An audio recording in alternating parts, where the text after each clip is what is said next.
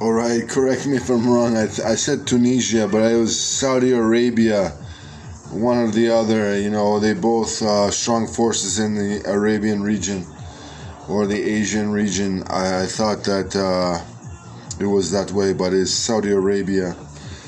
Anyway, moving on forward to the uh, World Cup.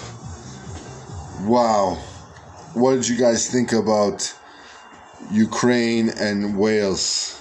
Unbelievable, unbelievable. Such a country that's striving f- from war right now, putting themselves up against a country that's that's really, really ready to perform at all levels, winning, having a Champions League winner for Real Madrid, and just doing a great job in in showcasing his talent to the world, just getting on getting on board with his country to the next next stage and that's what it takes sometimes.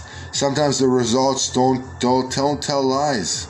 They don't tell lies. We see that uh, that uh, if a Wales player is playing in the Champions League final, he very much deserves a, cha- a chance in the champ in the World Cup. And, and he's done that very well for his country. I, I, I applaud him very much so for Gareth Bale. I applaud him. He did, he didn't prove he didn't he didn't do anything wrong. I was always inspired by him, by his technical speed there. He was doing very good efforts there.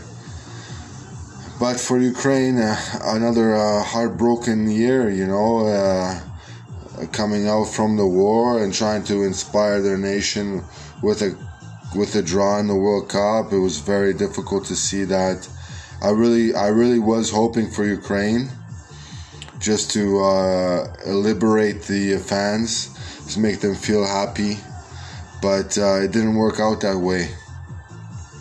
And then for uh, UAE and uh, who was that other team?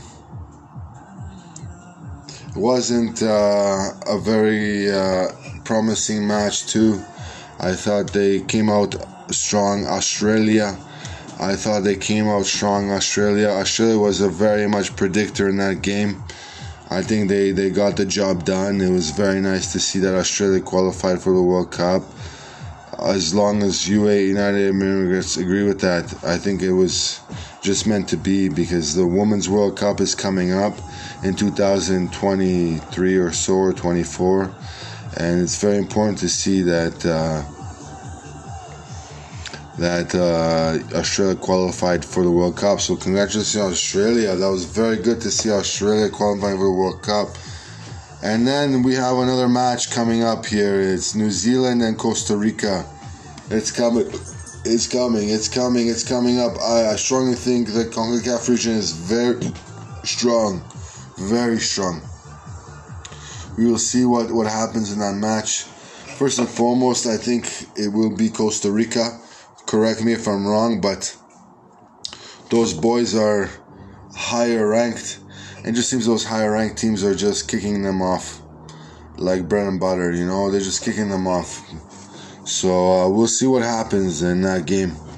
Other than that, it's been a fascinating World Cup qualifications. Thank you so much for participating in all the games, all the matches, all the groups. You've been a phenomenal support in each and every one of the games. It's been phenomenal to see. Thank you very much.